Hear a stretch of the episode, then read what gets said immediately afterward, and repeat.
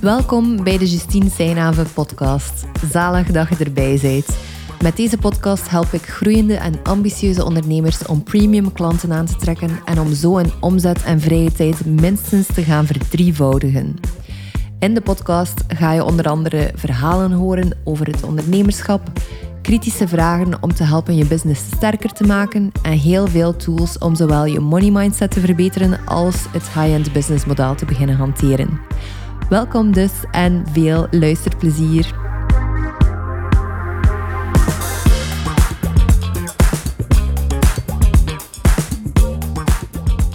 Niet al je klanten halen even goede resultaten. Hoe ga je daar als dienstverlener mee om?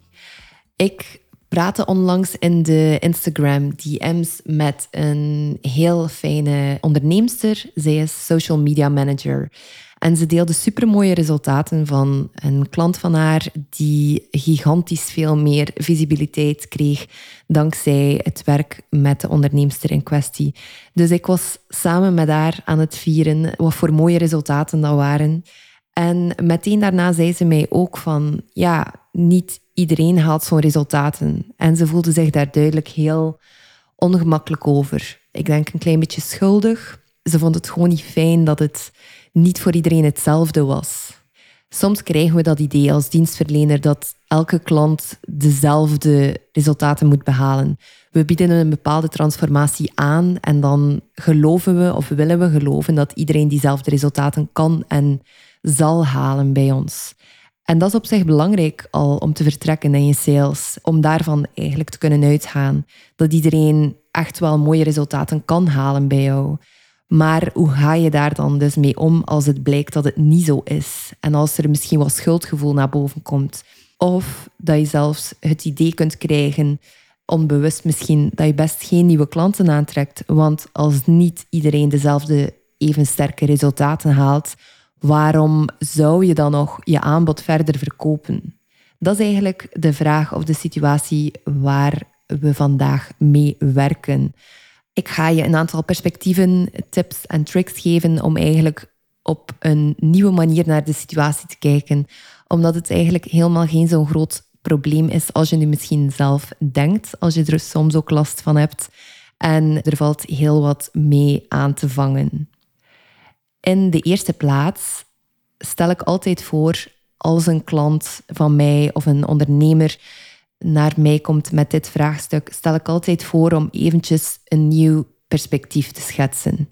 Om eigenlijk naar je klanten te kijken als een soort van klas en om te beseffen dat iedereen anders is. Iedereen heeft een andere achtergrond, iedereen heeft een andere niche, iedereen heeft een andere mindset en je kunt er naar kijken als een soort van puzzel om ervoor te kunnen zorgen dat jouw klanten de resultaten halen die je belooft, moeten er soms bepaalde puzzelstukken nog in elkaar vallen. En voor een groot stuk ben jij daar als dienstverlener voor verantwoordelijk of kan je daar van alles aan doen om te helpen die puzzelstukken in elkaar te laten vallen. Maar wat we heel vaak vergeten is dat er ook een groot stuk van de verantwoordelijkheid bij je klant zelf zit. Dus weet dat jij er zijt wel om de transformatie te gaan faciliteren. En zeker als je in een done-with-you systeem werkt, je gaat ze zelf niet uitvoeren. En er ligt heel veel verantwoordelijkheid ook bij je klant zelf. En als je klant zelf bewust genoeg is, weet zij dat zelf ook. Zij weet dat de vooruitgang in haar eigen handen ligt. Zij weet dat zij daar zelf een grote impact op heeft.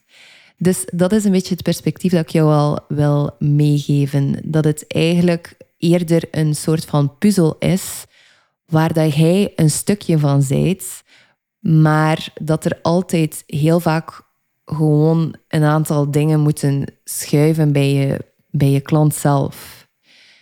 Nu, waar ligt dan volgens mij wel jouw verantwoordelijkheid als ondernemer? Als ik zeg van hey, het is meer een puzzel, dus je mocht gerust afstand nemen en zien hoe dat jouw klanten verschillend zijn van elkaar en hoe dat het logisch is dat niet iedereen dezelfde resultaten haalt.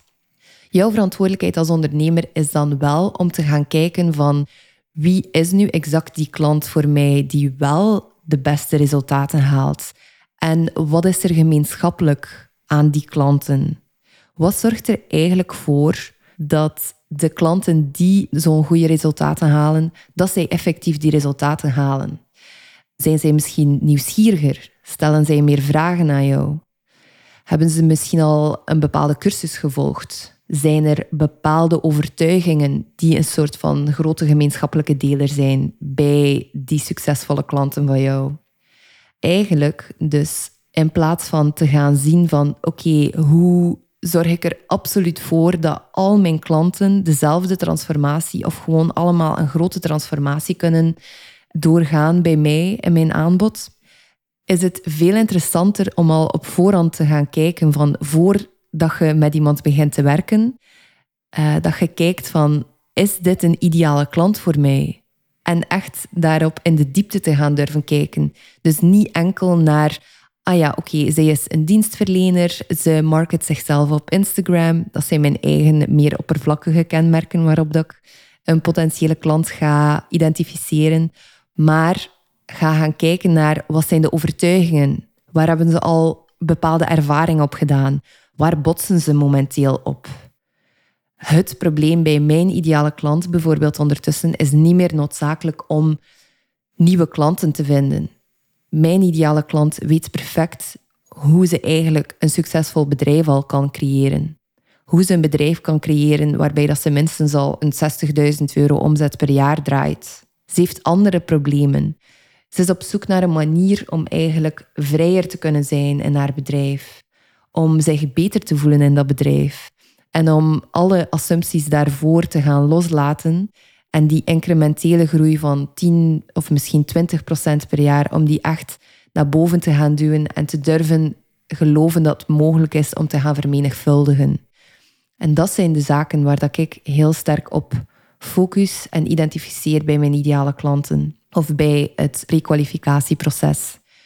Dus dat is ook iets dat ik aan jou wil meegeven. Ga niet enkel op de oppervlakte gaan kijken als je in je salesproces potentiële klanten aantrekt. Ga echt ook naar de diepte gaan kijken en durf mensen te kiezen die zelfbewust zijn, die al een bepaald track record hebben, die al een bepaalde kennis hebben wat het betekent om ondernemer te zijn en om jezelf op social media bijvoorbeeld te marketen. De reden waarom dat het zo belangrijk is eigenlijk om snel in je prekwalificatieproces of in je kwalificatieproces te kijken van wil ik focussen en op welke parameters wil ik iemand toelaten in mijn programma of niet. De reden daarvoor is omdat als je beter wordt in het kwalificeren van sterkere klanten, die dus dan ook betere resultaten gaan halen, die dus dan ook geweldige social proof voor u kunnen creëren, dan ben je echt op de lange termijn een bedrijf aan het bouwen dat duurzaam is, dat super chill kan zijn, dat leuk is voor jou om, ja, om te gaan leiden. In plaats van dat je aan jezelf moet beginnen twijfelen in de eerste plaats al. Dat je twijfelt aan je klanten. Dat je misschien je klanten op den duur iets kwalijk begint te nemen, omdat je begint te denken, allee, hoe kan dat nu dat dat voor jou niet werkt, terwijl dat ik zoveel voorbeelden al gezien heb van mensen bij wie dat het wel lukte om goede resultaten te halen. Dus niet alleen voor uw zelfbewustzijn en voor uw zelfzorg zijn sterke resultaten belangrijk, maar ook gewoon voor de, voor de groei van je bedrijf. Dit was eigenlijk een korte maar krachtige podcastaflevering waarin ik jou geleerd heb om een nieuw perspectief te krijgen op het feit dat niet alle klanten even goede resultaten halen en hoe dat je daarmee kunt omgaan. Laat zeker weten in mijn Instagram DM's wat je uit deze aflevering meeneemt, hoe dat je de kennis gaat omzetten in realiteit of in praktische tools. En ik ben benieuwd om van u te horen. Dankjewel voor het luisteren. Merci om te luisteren vandaag. Als je iets bijgeleerd hebt of hebt een nieuw inzicht gedaan dat je business gaat laten groeien, vergeet dan zeker niet om de podcast te volgen of u erop te abonneren. Of als je mij liever een persoonlijk berichtje stuurt, kan dat via de DM's op Instagram. Je vindt de link naar mijn profiel in de show notes.